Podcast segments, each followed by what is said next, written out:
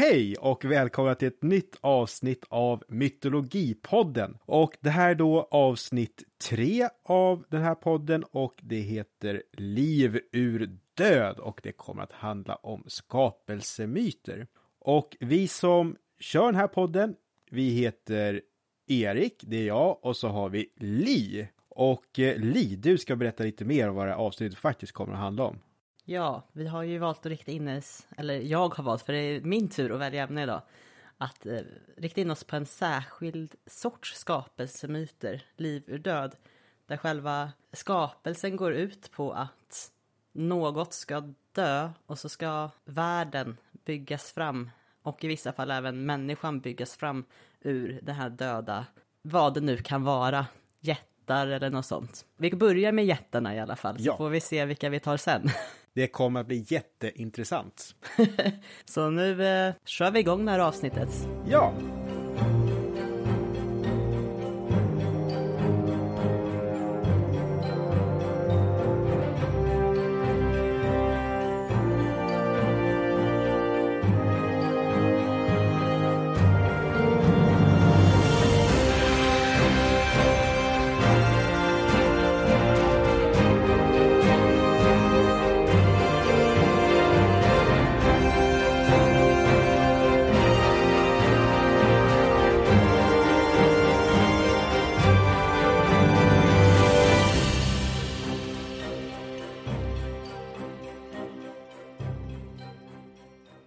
förra veckan där gjorde vi ett eh, avstamp i eh, nordisk mytologi och kollade på källorna till eh, nordisk mytologi. Och för att lättsamt fortsätta i det spåret så börjar vi med den nordiska skapelsemyten från vårt egna område och sen flyttar vi oss längre och längre bort i världen vartefter avsnittet pågår.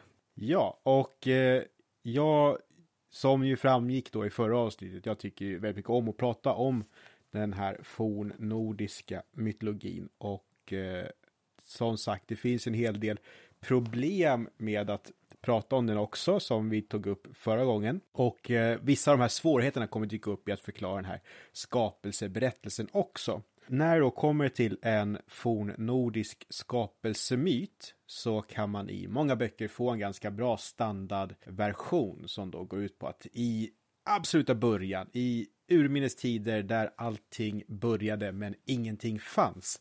Då var det någonting som hette Ginnungagapet och det beskrivs då som ett svalg. Och jag ser bara framför mig hur det verkligen är det här intet mörkret som finns i början. Sen i det här intet så finns det plötsligt mer än bara ingenting och det är då en stor jätte som heter Ymer och han mest finns.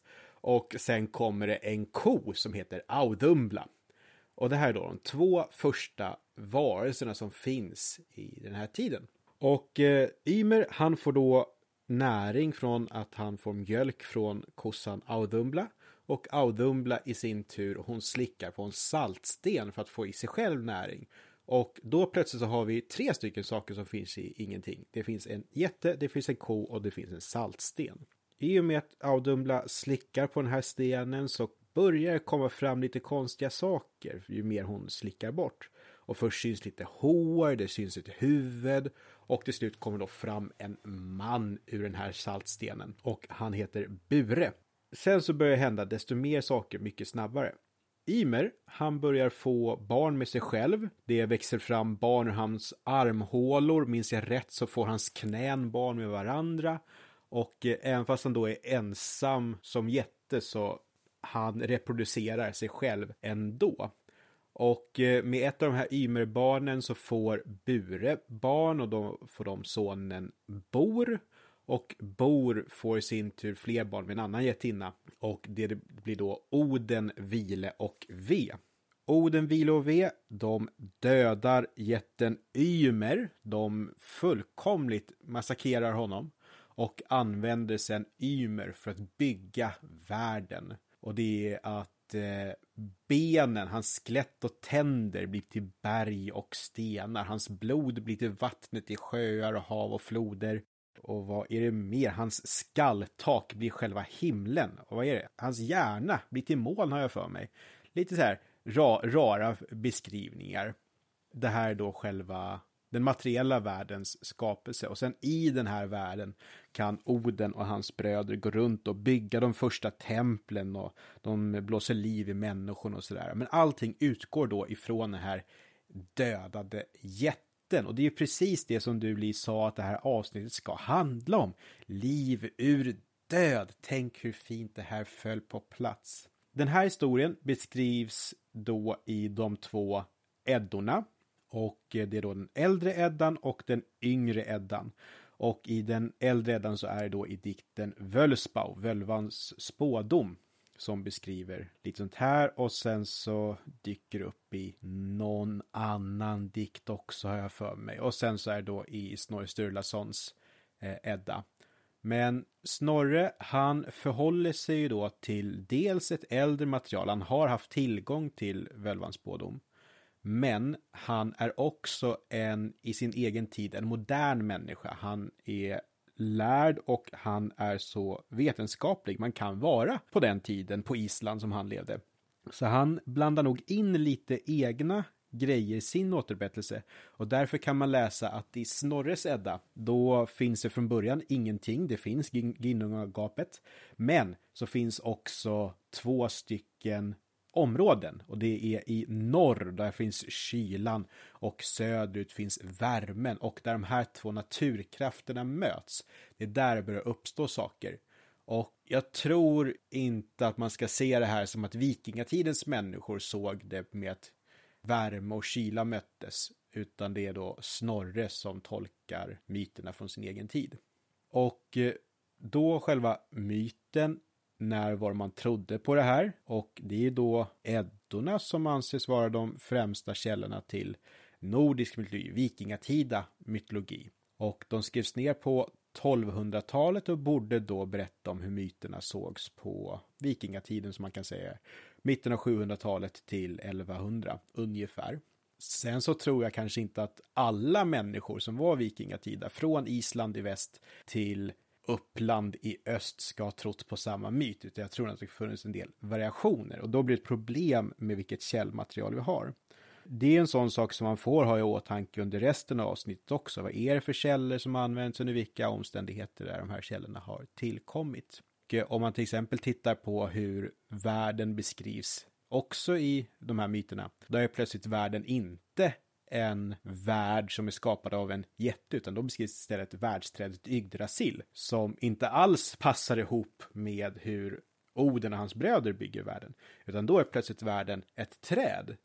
Och då kan man ibland istället se förklaringar om att jo, men världen finns och sen i mitten står Yggdrasil och lite grann knyter ihop alltihopa. Jag tänker väl att det kanske snarare är så att vi har olika historietraditioner som den samlas i de texter som vi faktiskt har tillgång till. Men hur går, går det ihop? Går det att få ihop på något vis att det är en skapelsemyt för en, bara en del av världen? För det, jag tänker med Yggdrasil så beskrivs det också som att det finns olika världar som är sammanbundna. Och det här gapet, är det något som finns mellan de världar som redan finns? Nu, nu spekulerar jag bara. Ja, ja men... Nej, men spekulation är jättebra. Jag bara, det bara slog mig att det, det kanske inte, just som när det finns olika traditioner så kanske det går ihop på något sätt att väva ihop mm. något som, ja men det här motsäger varandra, men man kanske kan väva ihop det på ett annat sätt, att det här beskriver skapandet av en värld, inte alla, alla världar. Ja, nej men för där, så jag läser, när Oden och hans bröder går runt sen och lite grann inreder världen, det de beskriver är någon typ av antingen att det är Asgård där gudarna bor då, men å andra sidan så bygger de också tempel som är någonting som människorna skulle använda. Så skulle det i så fall vara Midgård som de bygger, människornas plats i det vikingatida världsbilden. Mm. Eller fornnordiska världsbilden. Då är det också just det här, det här intet, var ett hål mellan världarna innan eller någonting. Och ja, för att dra till det mer då, nu, nu håller jag inte riktigt en röd tråd, men de beskriver ju inte hur de bygger andra världar, så där har du ju faktiskt en poäng i. Man kanske bara bygger en värld, eller så är det, ja, när de satt och skrev ner det här så, lite grann som man kanske gjorde läxor någon gång. Nu går inte det här ihop, hoppas ingen tänker på det. ja. Och med det sagt, det här, alltså de här texterna, nu ska jag inte förringa deras litterära kunskap för det är oerhört väldiktade dikter. Det här är alltså inte något kraftsverk man har gjort på en kvart innan inlämning. Men ändå att det har varit en muntlig tradition. Vi kan räkna med någon typ av sammanhängande mytologi, säkert tusen år innan de här sakerna skrevs ner. Då dyker det upp olika berättartraditioner. Jag tror nog inte att det har varit ett problem i deras samtid, utan man har suttit där och någon berättar historier och så säger völvan Torbjörg någonstans, nu ska jag berätta om hur världen skapades och sen kommer någon, någon skald sen. Ja, men jag hörde den här varianten och så kanske man kan mm. mötas i de samtalen. Att det är en berättartradition. Jag tänker att mycket av det här att, eh, att, att man ser olika naturliga saker som berg och skog och moln, att det är en del av en, en kropp egentligen mm. från början. Att man har sett konstiga former i saker i naturen och bara, men det där ser ut som ett ansikte i berget och så måste, vill man ju ha det, förklar, ha det förklarat så så vävs alla de här olika förklaringarna ihop till en eh, gemensam historia. Ja, det blir verkligen sätt att knyta ihop världen. Det blir ju en ganska bra origin story, alltså bakgrundshistoria till mm. allt annat som händer. För där, jag tycker det är ju en bättre bakgrund än mycket annan populärkultur som både du och jag tycker om. Då man faktiskt får, okej, okay, härifrån kommer de här personerna, de finns tack vare den här jätten. Konflikten som uppstår mellan jättar och gudar är då belagd redan till där i början. Glömde säga det att där när de gör Ymers blod till vatten och drängs ju också massa jättar. Det är några få som lyckas gömma sig på en klippa och den här klippan är och det får man tänka, det är nog en ganska traumatisk situation för de här jättarna. Deras pappa har slitits i stycken av tre jobbiga asar. och, eh, eller tre jobbiga as. as. Ja, riktiga as. Eh, så de gömmer sig på en klippa som då är hans skelett och, då, och det bara forsar blod runt omkring dem. Det är klart att de är arga. Och sen kommer det ju vara en konflikt mellan jättar och asar senare.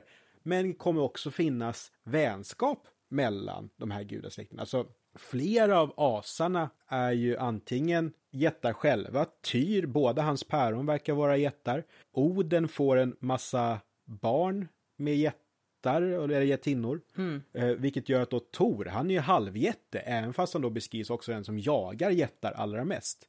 Så man får tänka att det är inte bara onda och goda här, utan det är just den här grå, gråskalan.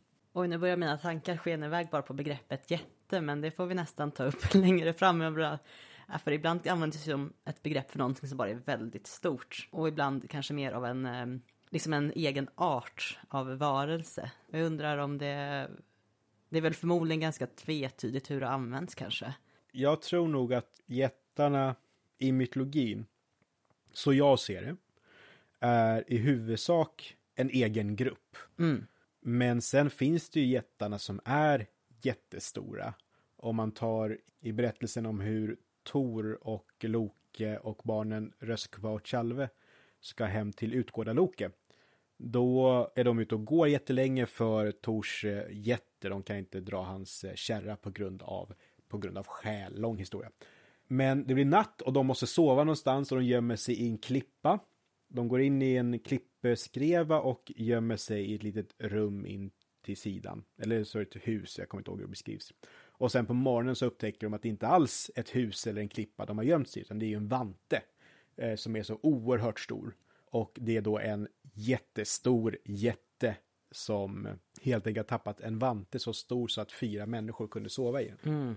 Eh, så då får man lite perspektiv på storleken och jag upplever också att de gör en poäng av att det här är lite annorlunda. För Loke som är med i gänget, han är ju också jätte men får också plats i den här vanten. Ja. Rörigt. Det är lite rörigt. Jätterörigt. Ja. Ja.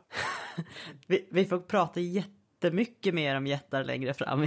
Den här säsongen kommer vi göra det. Ja, men vi har ett avsnitt som ska handla just om de här andra personerna. Kanske inte de mer centrala, utan just det som händer runt omkring. Utan att avslöja för mycket.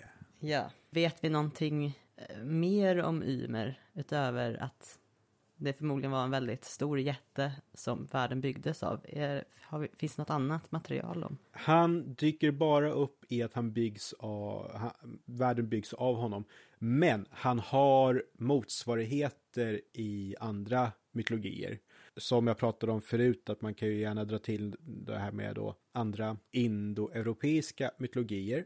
Med det kort sammanfattat så är det då mytologier som på ett eller annat sätt verkar kunna hänga ihop tack vare språk som har utvecklats från en gemensam grund. Då ska det finnas i en indisk mytologi, eh, vad är det, vedadiktning eller någonting. Mm. Då finns det en urjätte och det kommer också vara en ko ganska tidigt med i början. Så myten om Ymer kan då gå tillbaka jättelång tid innan det blir en nordisk eller germansk mytologi. Och sen om man då tittar på grekisk mytologi, där i början finns det inte heller någonting, utan i början finns bara kaos och minns jag rätt så är kaos gammalgrekiska för just svalg. Och det Jaha. passar ju också utmärkt med, med hur Ginnungagapet beskrivs. Och sen ur det här kaoset kommer Rea, tror jag är en tidig gudinna. Och sen kommer Uranus eller Kron. Ja, det, det kommer i alla fall den här gruppen av gudar innan Olympierna. Och det är också mycket hur de äter upp varandra, de kastrerar varandra och det är mycket blod för att den här nya världsordningen ska komma igång. Titaner är de va? I det grekiska, ja. Ja. Och det här med att allting börjar med mörker och kaos, det är ju ett ganska vanlig start på ganska många mytologier.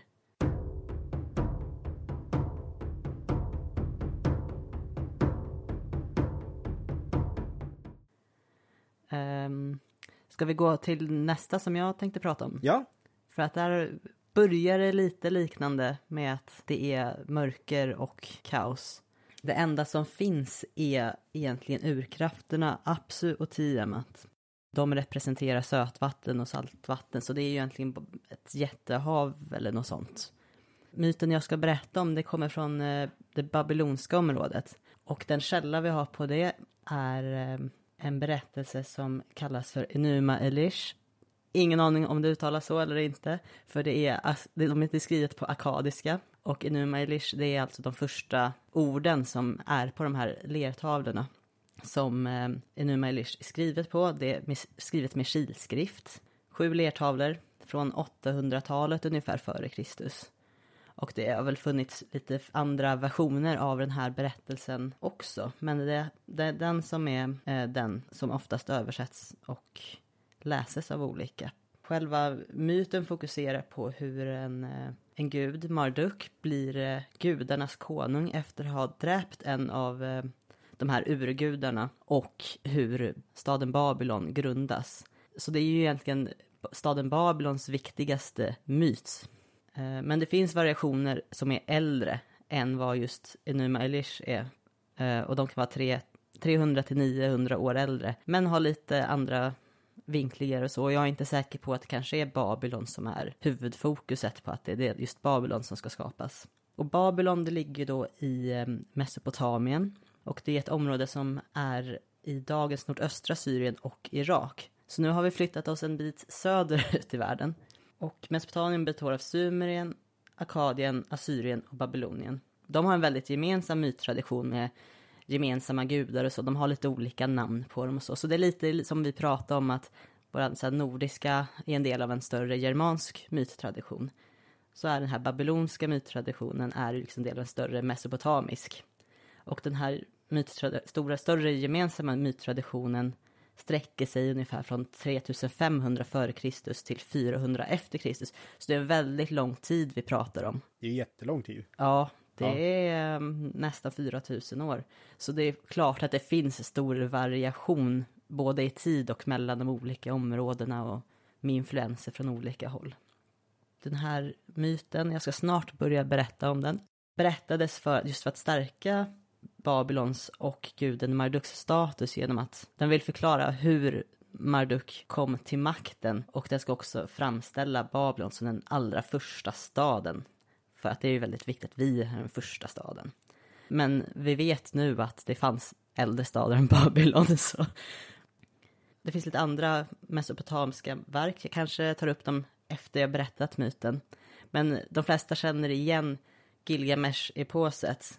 Åtminstone så brukar man få hör, höra talas om den i skolan. Man kanske inte nödvändigtvis får läsa om den. Det är ett mer hjälteepos som handlar om eh, kungen Gilgamesh.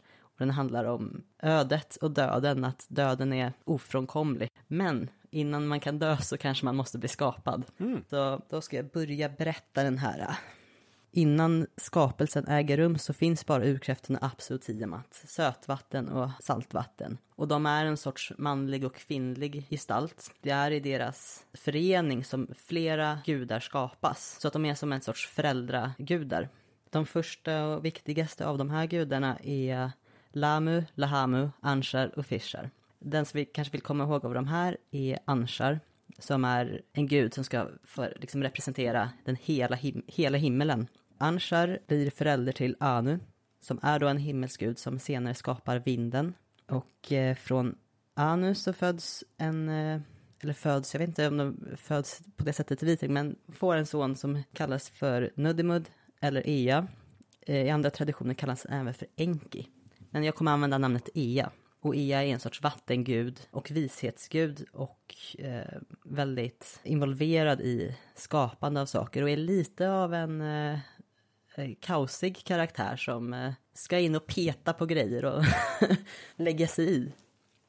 Men eh, de här nya gudarna som eh, har skapats från Apsu och Tiamat, de är väldigt stökiga och Apsu och Tiamat, de tröttnar på att fan det låter och vi kan inte vila och de, jag tror att Anu har ju skapat vinden här och det, det blåser och jävligt. Apsu har en rådgivare då som heter Mummu förmodligen en, en, någon son, som föreslår att ja, men ni kan ju förinta de här yngre gudarna, era barn. Men Tiamat är inte så sugen. Jag menar, ska vi förstöra vår skapelse? Apsu lutar ändå åt det hållet. Så vad blir det då? Um, Apsus... Nu ser jag, man måste kolla på de här släktträden. Barnbarnsbarn, Ea, som var den här vatten och vishetsguden, lägger en sömnbesvärjelse över Apsu. Men och Mumme försöker väcka Apsu, men det som händer är att Ea till slut dräper Apsu helt och hållet och kedjar fast Mammu. Ea tar Apsus strålglans, man kan tänka det ungefär som en gloria. Och det sitter en del, det sitter mycket kraft i den här strålglansen. Och han får då mer krafter. Och det han gör sen är, är att ta Apsus kropp och bosätta sig i den. Så han gör det till en, oj, eh, han gör Apsus kropp till en bostad. Ea skapar efter detta en son, Marduk. Och Marduk är den mest strålande och majestätiska guden alla har sett. Eh, han har den starkaste strålglansen någonsin och Ea förklarar att ja, men här är min son, det är solen. Så att Marduk är ju från början då någon sorts sol och fruktbarhetsgud. Tiamat hon blir väldigt hånad över att hon inte försökt hjälpa sin partner och make Apsu i liksom vrede så skapar hon elva olika monster och de ska då kriga med de yngre gudarna. Så nu är inte Tiamat så himla nådig mot dem längre. Nu skiter hon sig att det är deras skapelse. Nu ska de förstöras.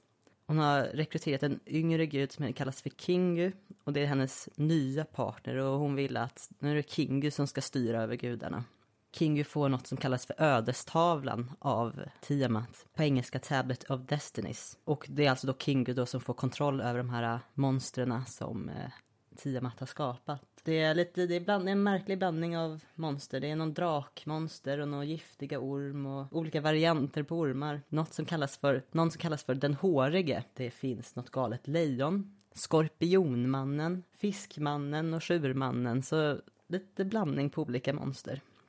Eas farfar Anshar, vilket var då den här, eh, en av de första generationen med gudar, vill att Anu, som hans son då, ska försöka blidka Tiamat så att det inte ska uppstå den här eh, striden. Men Anu är för svag och fegar ur. Anshar tänker då att nej men ingen gud kan besegra Tiamat, Hur ska vi, vad ska vi göra? Eh, men till slut så föreslår de då att Marduk, du, får, du kan ju strida. Och Marduk, ja, jag kan väl ställa upp, tänker Marduk. Och och är ganska säker på att han kan besegra Tiamat. Han sätter då lite krav på att jo, men jag gör det här under förutsättning att jag blir kung över alla er, över alla gudar. Och det, det är ganska många gudar som finns vid det här laget. Och han vill även ha auktoritet över Ansha som är en av de äldsta gudarna då. Så alla de här gudarna, de samlas, de samtalar, ska gå över det här och gör det man, man gör när man ska bestämma någonting. Man dricker jävligt mycket öl och alkoholhaltig dryck av något slag. De blir lulliga och fulla och beslutar sig för att nej men vi låter Marduk strida för oss. Marduk får en tron och de hedrar honom och han får, han får en spira och några särskilda kläder. Han får massa olika vapen. Så han beger sig iväg på sin vagn som dras av fyra hästar och han utmanar Tiamat som och i det här skedet så har Tiamat gått från att beskrivas som saltvattens representation till någon sorts havsmonster. Nästan som någon sorts havsdrak eller något sjöodjur eller på något sånt sätt. Och Marduk anklagar Tiamat för att, ja men du, nu har du, nu har du sagt att det är Kingu som ska vara partner att bestämma. Det här, det här är fel. Det är inte respektabelt mot alla oss andra. Och de börjar strida. Marduk använder sig av oväder och storm och när Tiamat ska försöka sluka Marduk så hindras hon av att Marduk för in, för in massa vindar och storm i hennes gat så hon inte kan stänga käften. Och sen så skjuter han henne med en pil som eh, förmodligen genomborrar hjärtat. Hon dör. Marduk, han fångar och dödar alla andra gudar som har valt att stå på hennes sida. Eh, han förstör deras vapen och de här olika monstren som hon har skapat fångas och fängslas. Han tar ödestavlan från Kingu. Nu kommer vi till själva skapelsebiten i berättelsen. Marduk krossar Tiamats huvud med sin klubba som han har haft. Klubban är ett ganska vanligt motiv i de här mesopotamiska avbildningarna av mäktiga varelser så att det kan man notera. Eh, Marduk delar Tiamats kropp i två och använder revbenen för att bygga ett himlavalv och eh, andra delar av kroppen för att bygga liksom, marken. Hennes ögon blir, eh, blir eh, månen om jag minns rätt. Nu ska vi se. Nej, hennes ögon blir, eh, blir källorna. För hennes hon liksom gråter. Och ögonen blir då källor för två stora floder då. Jag tror att det är Eufrat och Tigrisfloderna som är i det området då. Eh, hennes svans är då det som vi kallar Vintergatan på himlen. Sen fortsätter berättelsen efter det här med att Marduk ordnar stjärnor och grejer, för astronomi är väldigt viktigt i Babylon och Mesopotamien. Han, ordnar, han, han skapar natt och dag och månen och så. Och det kommer vi inte gå in på för det här handlar inte så mycket om det här med, med kroppen. Men det fortsätter sen på tavla nummer sex att eh, Marduk han vill också skapa människor. För att gudarna är väldigt lata, de vill inte arbeta och så de vill ha människor som ska förse dem med det de behöver. Först hade han tanken att ja, men jag ska använda mitt eget blod för att skapa människorna. Men Ia föreslår då att, att de kan offra Kingu istället, som de har fångat. De använder Kingus blod för att blanda med jordens lera. Och det är från den här blodblandade leran som människokropparna skapas. Sen så delar Marduk upp gudarna. Det är 300 i himlen och 600 på jorden. Så det är rätt många gudar som har skapats. Gudarna vill bygga en tron eller tempel till Marduks ära och heder. Han beordrar dem att, då, att börja bygga på Babylon. För mig var det här helt nytt när jag började läsa om det här. Det är ju ganska brutalt man känner igen teman det här med att människorna kommer från lera, från till exempel eh, grekisk mytologi, har man ju också det motivet. Men här var det just det att ja, nej men vi tog en guds blod och körde ner i leran. Ja, nej men det är ett ganska bra sätt att dels ha en historia om sig själva som stad i Babylonien. Mm. Eh, att man får med då, varför är vi här? Jo, på grund av det här. Det blir någonting gudomligt i det. Mm. Och sen också då hur, jag gillar hur människorna får sin roll. Att gudarna då inte vill arbeta. Vad gör man då? Jo, men vi gör några andra som kan arbeta. Mm. Underförstått då gissar jag att arbeta för gudarna. Ja, precis. Att de ska offra i temp ja. gudarnas tempel och så. Och, och det dyker ju också lite upp i då den nordiska skapelsemyten. För innan det ens finns människor, då bygger ju Oden och hans bröder tempel. Så att när det väl finns några andra, då ska de kunna dyrka gudarna så snabbt som möjligt i princip. Mm. Eh, och det skapar, alltså att i de här myterna så, så får man då lära sig att vi ska dyrka våra gudar. Och det tycker jag, alltså, det är en bra historia. Ja, och sen så har vi också den här grejen att där har vi Marduk som är som stadsgud i Babylon. Men i resten av Mesopotamien har han inte riktigt den makten. Det är andra av de här gudarna som kanske är viktigare i olika platser och, och liksom i olika tid, men i samma myttradition egentligen. Mm. Så jag tycker det är väldigt bra, på det, bra exempel på det. Ja, men jag läste någonstans, jag har så här nytt favoritcitat om historia. Och, och det var någon som skrev på internet, vilken tur att det alltid är de goda som vann kriget. Och det är ju då segrarna skriver historien. Mm. Då just att eh, Babylonien har den här myten, men andra som egentligen delar ungefär samma mytologikrets kanske då inte skulle hålla med om vem som är rätt kung, utan att vi får ett perspektiv här. Och det är, det är en väldigt viktig sak tror jag att ha med sig i att förstå hur de här myterna skrevs. Ja, och jag har inte så jättemycket mer att säga om den här myten, men det finns en video på Youtube som jag kan rekommendera som ger lite mer historik med lite anknytning till eh, de, de arkeologiska fynd och källan till den här berättelsen. Så vi kommer ge er en länk på, till den här videon på Youtube. Den är cirka en timme och heter Rise of the City, How the Great God Marduk Built the City of Babylon. Och det är en föreläsning från Penn Museum av Dr. Steve Tinney som jag tittade på och, eh, och vill ni fördjupa er i, i, i det här liksom lite om, området kring Babylon så är det väl värt att lyssna på. Jag läste även inför det här den svenska översättningen av Enuma Elish som är skriven av eh, Ola Vikander. Vi kommer skicka lägga upp en länk till den också. Ja, jag hade lite svårt att släppa i bakhuvudet i det här pratet om Mesopotamien och Babylon. Eh, humorgruppen Klungan, känner du till dem? Ja, det låter bekant men jag kommer inte på. Mm. Ja, men de, de gör massa saker som jag tycker är jätteroliga. Men de har en sketch som handlar om Conny Contrera som eh, levde då i Mesopotamien. Han arbetstränade på Babylons hängande trädgårdar och Eh, råkar få i sig odödlighetsdryck och eh, lever då fram till modern tid. Och eh, i sketchen så sitter han på en bänk med en påse ölburkar. Det är en humorsketch med mörka undertoner kan vi säga. En intressant vinkel på det här med odödlighet. Eh, inte alls lika akademiskt tips som, som Li kom med här, men eh, det, jag, jag, tycker, för mig kommer Mesot Mesopotamien alltid hänga ihop med Conny Contrera från Klungans sketch. Ja, men vi måste ju få använda det här till underhållning också. Det, ja, ja, men det är bra. Det tycker jag. Bara om vi kollar på skapelsemyter lite brett.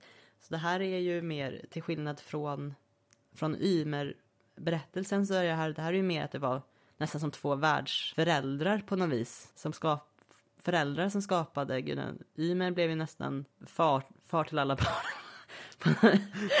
ja. Eh, men alltså här var det liksom ändå två enheter och det är relativt vanligt med det finns en, en genre av skapelsemusik som kallas för world parent, alltså världsföräldermyter.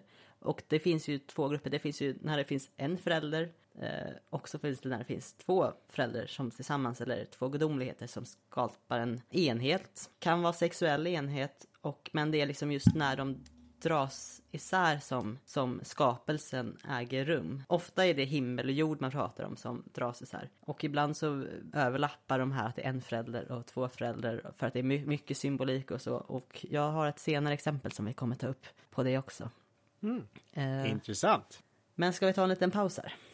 Mm.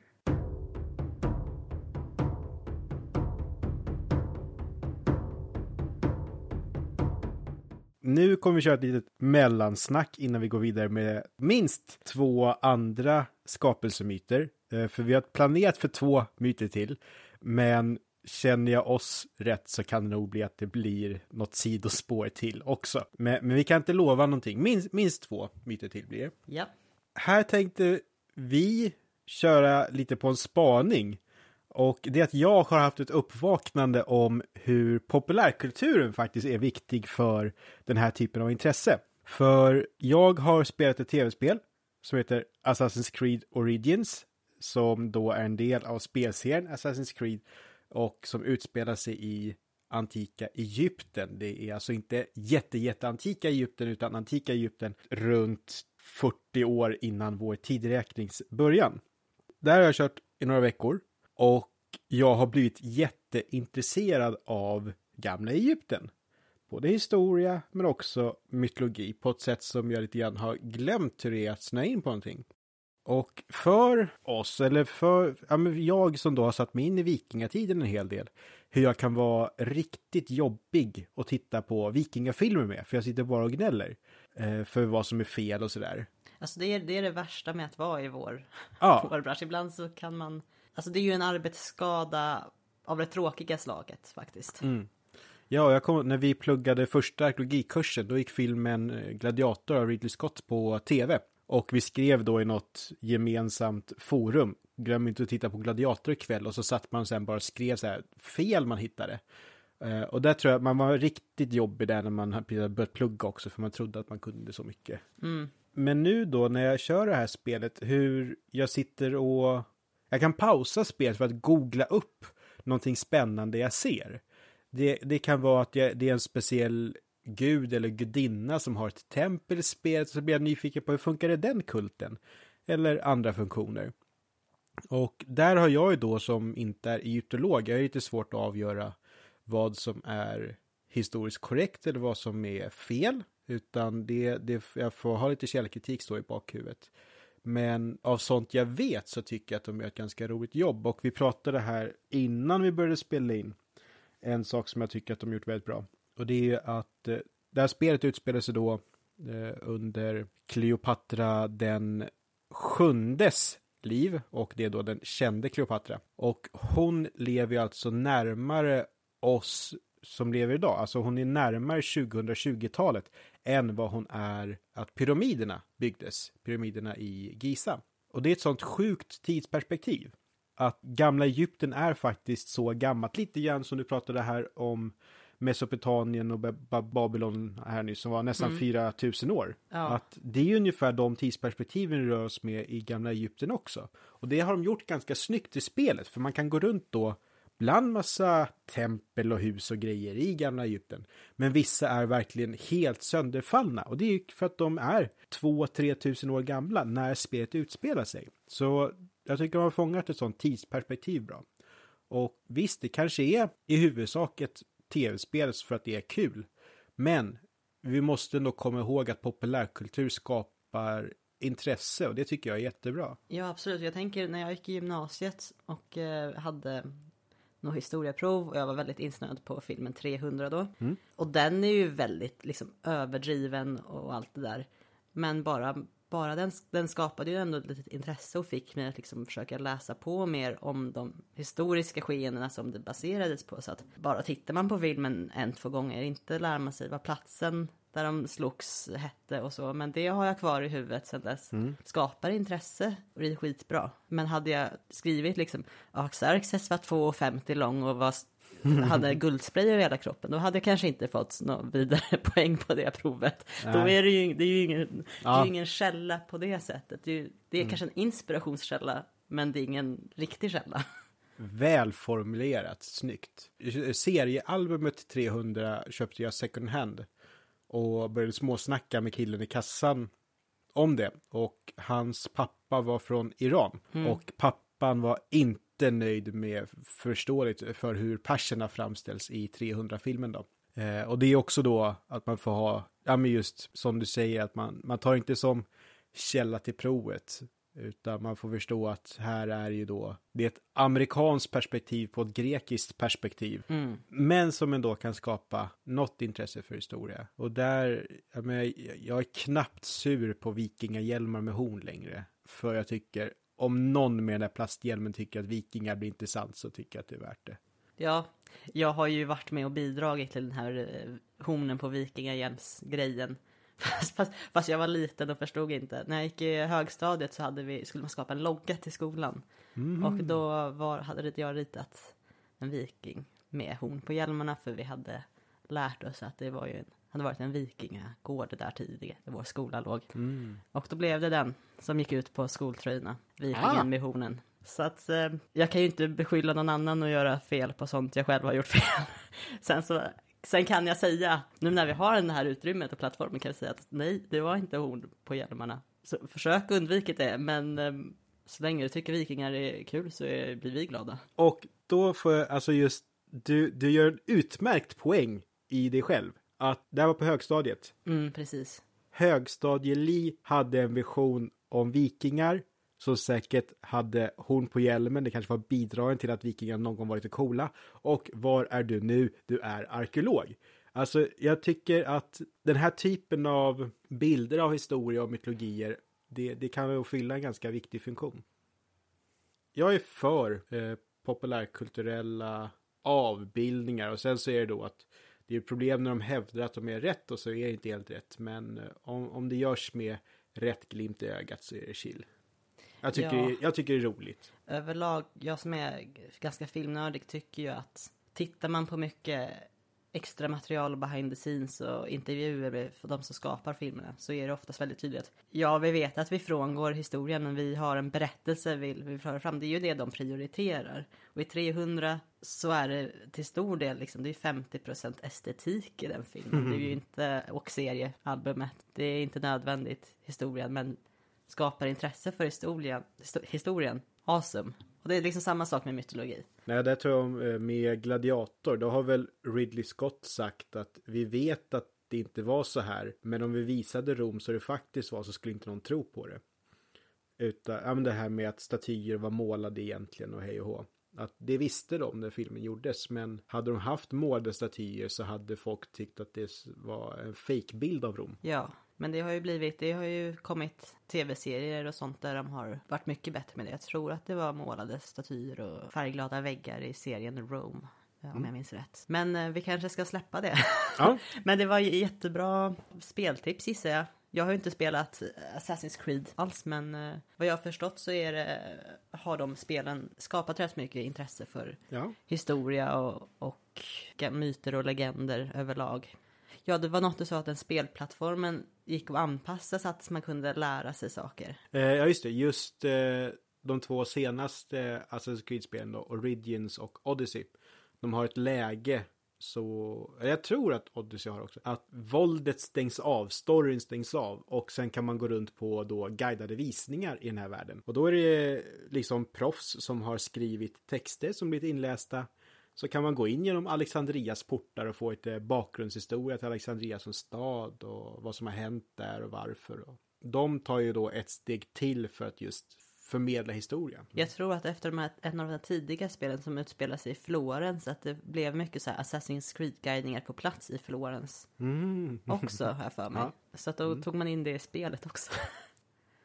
Men eh, då kan man ju säga att eh, populärkulturens historia blir som en typ av skapelsemyt för intresse. Mm. Mm. Ska vi återgå till skapelsemyter? Ja, vi återgår till dem.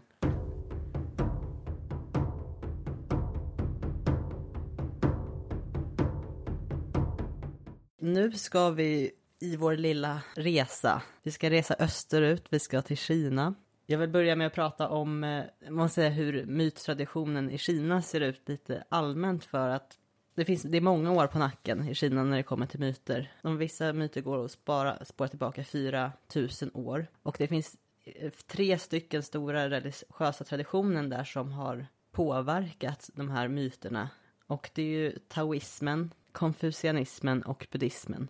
Så där har vi liksom religionen och det här mytologiska som vävs in i varandra och det är en del. Och taoismen då som är det äldsta av dem, cirka 500 före Kristus, har då rötter i en sorts naturdyrkan. Och det är väl där många kulturer börjar också med en naturdyrkan och naturandar. Också också de som, som jag uppfattar som utvecklar det här yin yang konceptet med motsatspar som tar ganska stor plats. Och de har också en väldigt rik pantheon, alltså uppsättning med gudar. Konfucianismen sen då är, ehm, har lite mer ett filosofiskt fokus och inte jättefokuserat på den andliga världen. Men den tar också hänsyn till eh, gudar. Buddhismen kommer något senare, vi pratar liksom runt år 0, plus minus 50 år, som jag tror att den kommer att börja ha mer påverkan i Kina då. Den fokuserar ju väldigt mycket på den här cykeln av återfödelse av död och det är genom att uppnå nirvana eller upplysning som man kommer ifrån återfödelse död-cykeln. Och i buddhismen har man inkorporerat massa tidigare kinesiska gudar. Medan Indien kanske använder sig mer av eh, de hinduiska gudarna. Så de här olika tre religiösa traditionerna delar gudar med varandra. Tyvärr var det ju väldigt många källor som berör de här allra äldsta kinesiska myterna som förstördes. För det var en kejsare som levde under Qin-dynastin, eller Qin-dynastin. Qin tror jag att det uttalas, men jag är jätteosäker på det. Den här kejsaren Shi Hungdi beordrade att alla böcker som inte handlade om medicin, eller profetier eller jordbruk skulle brännas upp. Och det här var ungefär 200 före Kristus. Några år efter upphörde den åren. Mycket rekonstruerades. Men då innebar det också att de blev något omskrivna och nya idéer kom in i berättelserna. Och ja, som sagt, överlag inom den kinesiska naturen är viktig och förfäderskult. Kaos är ju ofta det som är grunden då innan världen skapas. De har flera olika sorters eh, skapelsemyter och yin yang är ofta en del av den här balansen mellan motsatspar. Nu tänkte jag berätta om en av de här skapelsemyterna. Och jag har utgått från en eh, text från boken Skapelsemyter som är skriven av Lena Stissel. Och jag vet inte vad exakt på vilket källmaterial den bygger. Den kanske har tagit lite från flera olika källmaterial. Jag kan prata lite om vilka källor som finns efter jag har berättat själva myten.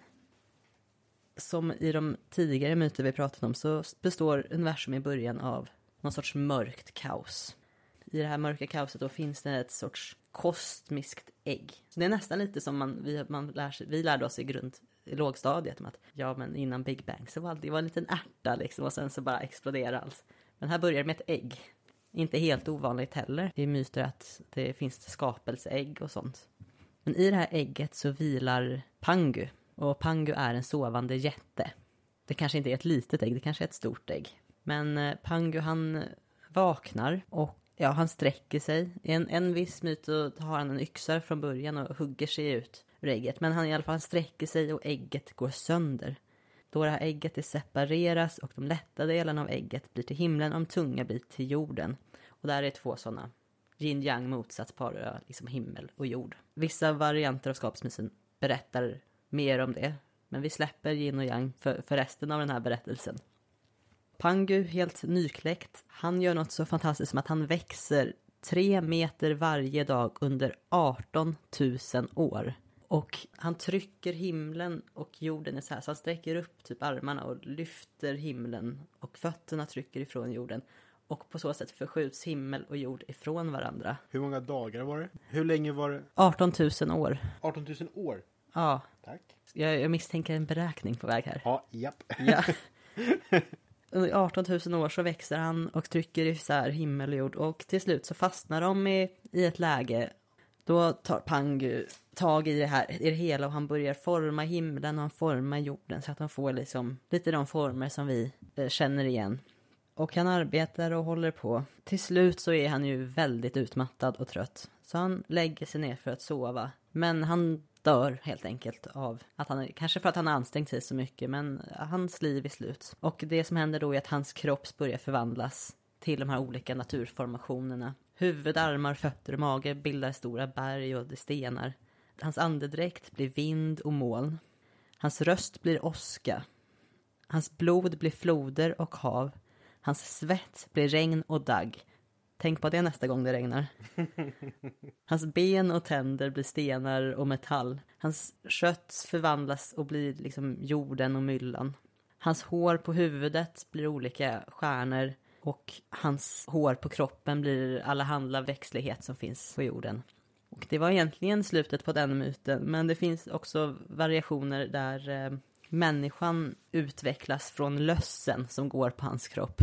Så det kanske inte var den charmigaste människoskapelsen. Eh, men det finns andra, andra versioner, kinesiska versioner som beskriver hur människan skapas. Men det hade inget med Ymers död, eller inte Ymer, Pangus död att göra. Så det behöver vi inte ta upp. Men vi kan ta upp den varianten, en annan variant där, som är då innan Pangu har dött. För då har han, eh, då har han också format människan från lera. Och det som är lite intressant med det här då är att det är vid ett tillfälle av leran ska torka som det börjar regna. Och Pangu får då bråttom att liksom han ska skydda de här små lermänniskorna han har skapat. Men han skadade några i sitt försök. att rädda dem. Det är ju teoriserat och att det är ju en förklaring till varför vissa människor föds med fysiska funktionshinder och så. Att det var liksom ett misstag från Pangu när han försökte rädda människan. Och så där har vi människa ur lera motivet igen. Och också något gudomligt i människan. Ja, exakt. Även, ja, även den kristna traditionen har ju också det här äh. Man brukar säga ur jord är du kommen. De här tidigaste kända myterna med Pangu är nedtecknade på 200-500-talet efter Kristus. Och det var främst eh, inom den taoistiska tron. Men det är ju väldigt osäkert och omtvistat om var och när Pangu-myten växte fram. Förmodligen har han liksom, har funnits under många hundra år innan man har skrivit ner också. Så att det är liksom lite samma osäkerhet där som, är, som vi pratat om med källmaterialet för det nordiska. Att ibland vet man inte helt enkelt när något har växt fram. De flesta moderna versioner av myten har man kunnat spåra tillbaka till en författare som heter, ja det här ut, kinesiska uttalet, jag ber om ursäkt om, om det är någon som kan det här med kinesiska, men Xu Sheng, XU S-H-E-N-G. Och han var den första som skrev, skrev ner myter på 200-talet efter Kristus. Det är det tidigaste skriftliga som vi känner till om Pangu är från dess. Sen så skrevs det också ner eh, variationer på eh, 500-talet. Men det finns variation, flera variationer nedskrivna också. Det är inte bara det att det har uppstått på olika sätt. Utan folk har skrivit ner olika och därför finns det lite olika fokus på dem. Som sagt, det var ju någon variant jag läst var liksom lite mer yin yang fokus än i den som jag läste om i, eh, i den här boken Skapelsemyter då. Så det tycker jag är intressant att vi har eh, flera jättar som, som världen har skapats ifrån. Och eh, då man undrar hur stor Pangu var. Han heter Pangu. Ja. Meter per dag i 18 000 år. Mm. Har inte räknat med hur lång han då är ursprungligen. Mm. Utan det här är så mycket han växer. Och det är 19 710 meter. Och det är då... Vad är det, vad är det i kilometer? Eh, det blir 19 710 kilometer. Vilket man då kan jämföra med att jordens omkrets, omkrets är 40 075 kilometer. Så när han har vuxit färdigt så har han vuxit lika långt som runt halva jorden. Ja. Det är bra storlek. Det är bra storlek. Plus det där längden han hade innan, ja. innan han kläcktes. Mm. Ja, jag ville bara säga det. Ja. Och med det sagt, jag är alltså väldigt dålig på matematik så jag kan ha missat något väldigt väsentligt i den här matematiska beräkningen. Även om vi skulle flytta en decimal hit och dit så är det fortfarande extremt långt. Ja, han är jättelång. Ja. Eller var. Exakt. Pangu han brukar avbildas i konsten som en ganska liten person klädd i björnskinn eller löv. Han håller ofta en hammare eller mejsel. Eller hammare och mejsel. Eller så håller han i, håller han det här kosmiska ägget. Eller en yin och yang symbol då som jag vet inte hur han håller i det om han kläcktes ur det, men det, det är symboliskt. Och ibland så visas han arbeta med de här verktygen också med flera olika övernaturliga varelser runt sig. Alltså jag, eh, jag, jag bara för att fundera här på att hans, hans, det han växte är halva jordens omkrets. Mm. Och det är ju då på längden. Och då tänker jag väl att sträckan rakt igenom hamn, alltså det är en ganska schysst beräkning på hur stor jorden är. Ja, du tänker så. Alltså han är ju inte bara ett, han är inte endimensionell eller tvådimensionell utan han är ju 3D. Mm. Eh, så alltså om han växte så mycket så har han en helt okej kroppsmassa för att faktiskt bygga universum. Eller bygga världen. Ja. Ja, snyggt. Coolt. Förstår du vad jag menar? Jag tror alltså, det. Ja, är man så lång så har man så att det räcker för att bygga jorden.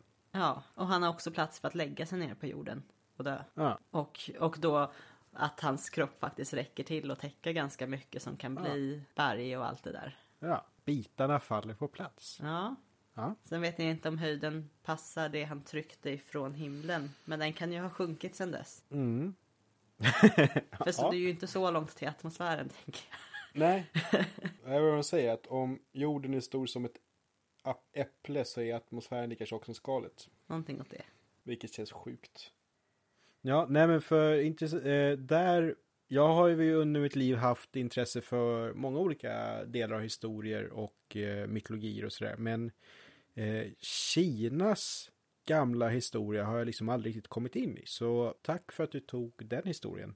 Ja, det här var liksom en av de första grejerna jag egentligen letade upp i det här poddarbetet. Eh, eller som jag hittade bara, wow, det här vill jag. Den här karaktären var häftig. Känner du dig klar? Jag är jätteklar.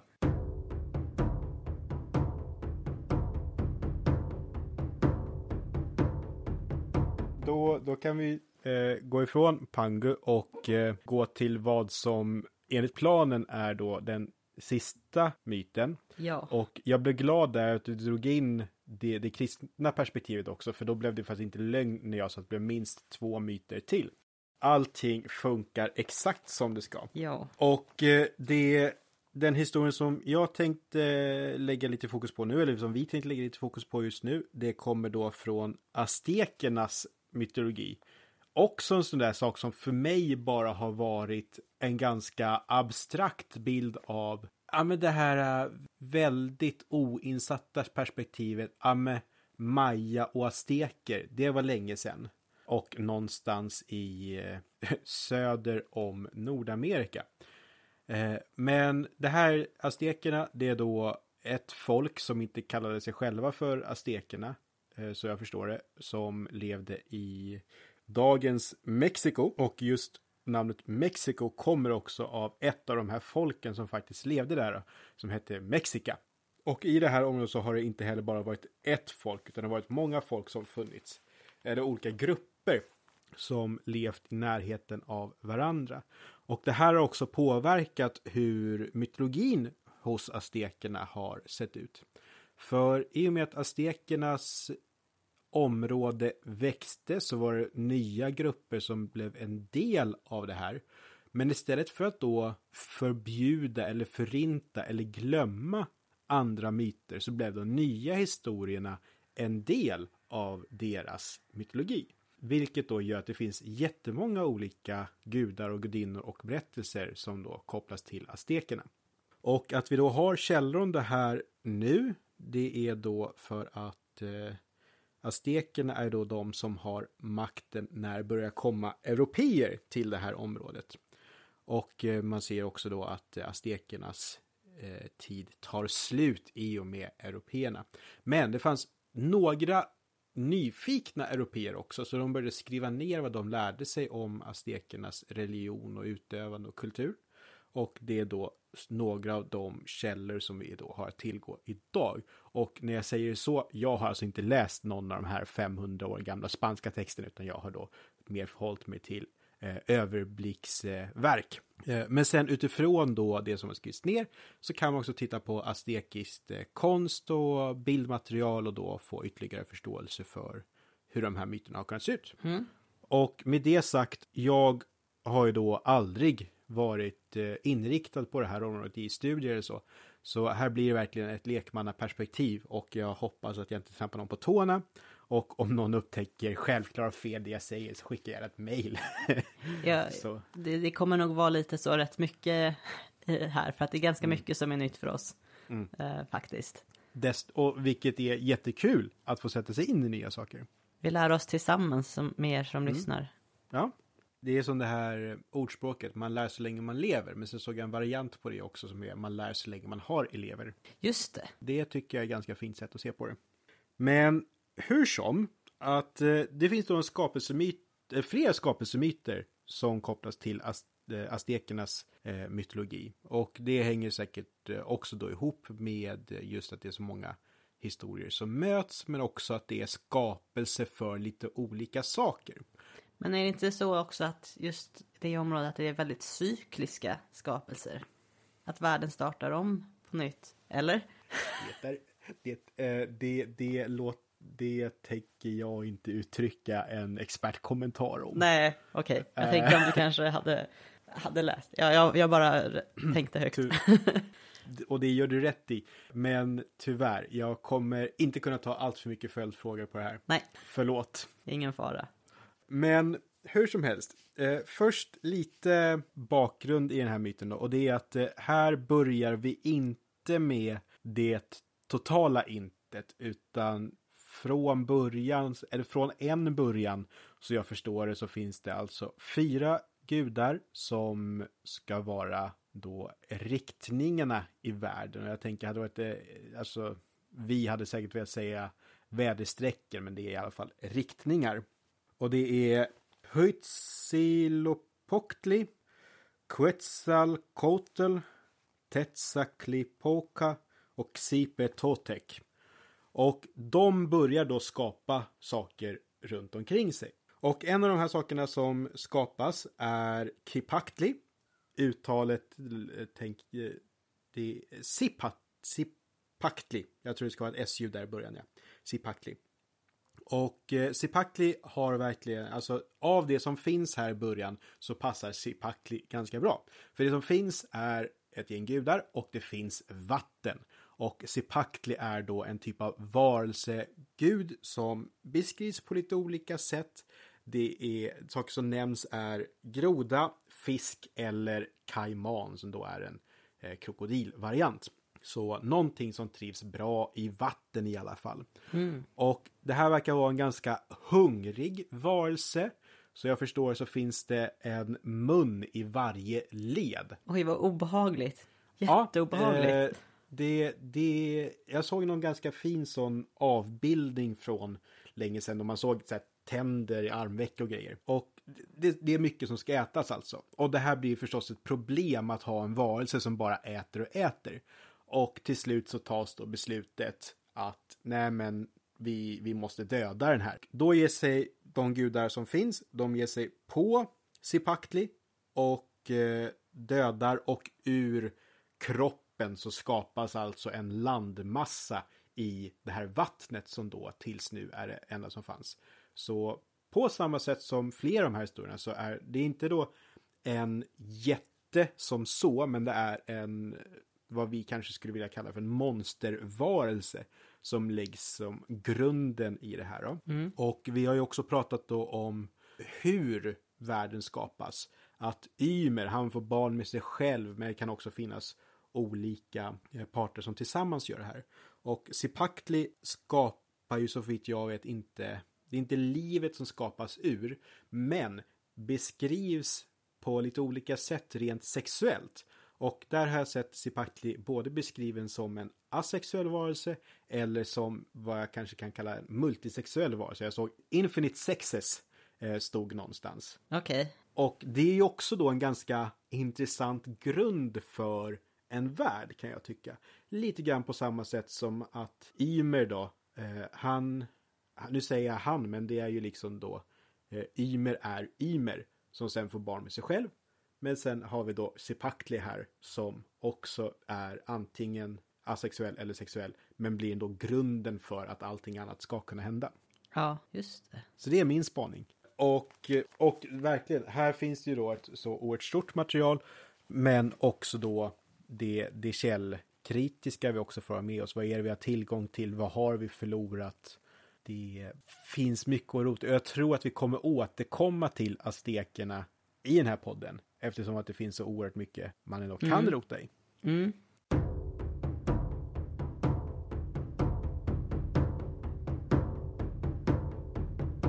Det finns säkert jättemycket där som inte ens, man inte ens tänker på finns. För att man inte varit i kontakt i mm. det. Har någon något favoritkoncept från centralamerikanska och sydamerikanska områdena som, som skiljer sig från, från kanske framförallt europeiska länder och så skulle det vara jättekul att få tips om det. För jag vet inte ens var jag ska börja gräva när det kommer till aztekiska. Nej. Nej, och sen där, där kan jag verkligen känna att eh, afrikansk mytologi är också en sån sak som hamnar i skymundan. Eh, för då, ja, en afrikansk mytologi, egyptiska mytologin, Mm. Men det är ju så mycket mer som händer. Ja. Egypten är ju norr, nordöstra kusten eh, och längs Nilen där då. Men det är ju väldigt många andra människor. Mm. Och jag, ja, men som jag pratade med dig här om innan, jag sitter med en bok som då kallar sig en encyklopedi över mytologi. Och eh, olika mytologier får egna kapitel då. Då tänker man att ja, men där ska det väl finnas en del. Ja, och eh, det är en tjock bok. Den är ganska stor. Eh, New La Ross Encyclopedia of Mythology. Och om man då tar germansk mytologi vi pratat om, alltså i huvudsak då nordisk mytologi. Vi pratar om de få källor som ändå finns i förra avsnittet. Och det är en ganska tjockt kapitel i den här boken. Och sen går man då till hela Afrikas mytologi. Jag tror att det är, det är typ två sidor här på slutet. Och de en och en halv sidorna innan det är då Centralamerikas mytologi. Att det är så oerhört stora områden som får så oerhört lite om, eh, utrymme. Ja. Eh, sen är det här är ju inte då en toppmodern bok. Men det är ändå, det är ofta så bilden jag tycker ser ut. Vi får gamla världen, Europa och eh, vissa delar av Asien. Men sen glöms så mycket bort. Ja, då har jag kanske, ett, jag har ju som ett standardverk hemma, Prismas stora bok om mytologi. Den har, den har faktiskt ganska jämn fördelning, men den går ju inte så här superdjupt på, på varje del heller.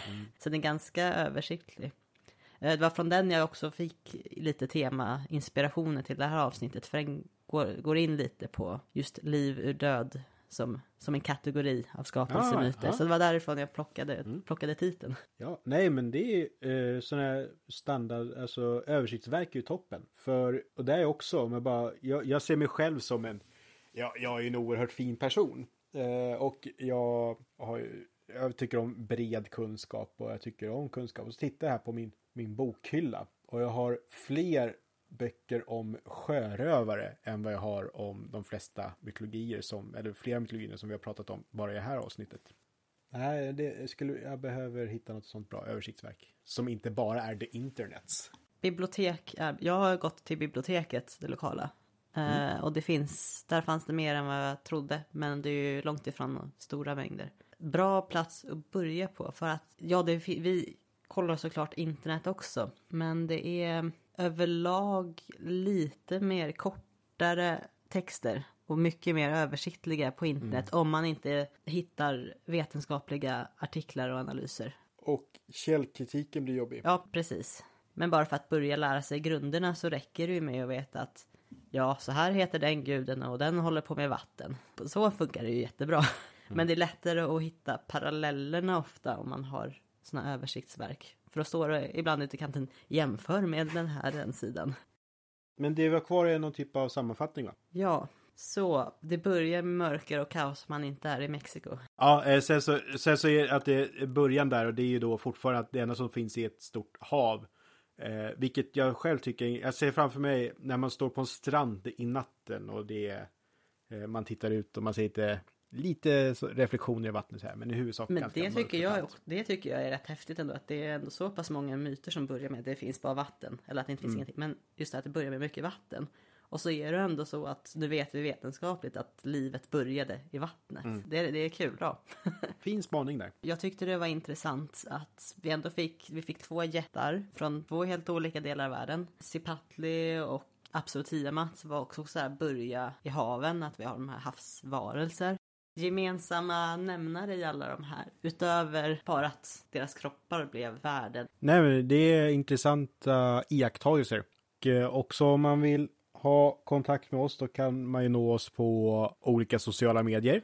Vi finns på Facebook och då heter vi Mytologipodden. Och så finns vi på Instagram och då heter vi Mytologipodd. Och sen så har du gjort en hemsida som är www.mytologipodden.com. Jajamän. Och där finns ett formulär om man vill kontakta oss. På hemsidan kommer vi lägga upp litteraturlista kanske vi ska kalla det. Referenslista till saker vi nämner och var vi hittar lite information, lästips och sånt. Så ja, vi vill tacka er som lyssnar. Och nästa avsnitt, eller nästa två kommande avsnitt kommer vi vara och nosa lite på hjältemyter och hjältekaraktärer. Det kommer kunna bli en väldigt blandad grej. Dels så kommer vi förstås utgå från gamla mytologier. Men vi har väl också snackat lite om att dra in populärkulturen i det här igen. Ja, precis. Så ja, jag ser fram emot det. Det är ju ett perfekt spann från Excalibur till lasersvärd. Allt man behöver. Kul att snackas idag Li. Ja, jättekul. Ha det så bra. Du får också ha det bra så hörs vi om två veckor. Åtminstone i den här digitala världen. Så vi låtsas i exakt som vanliga Ja, världen. exakt. Ja. Men tack och hej. Ja, hej.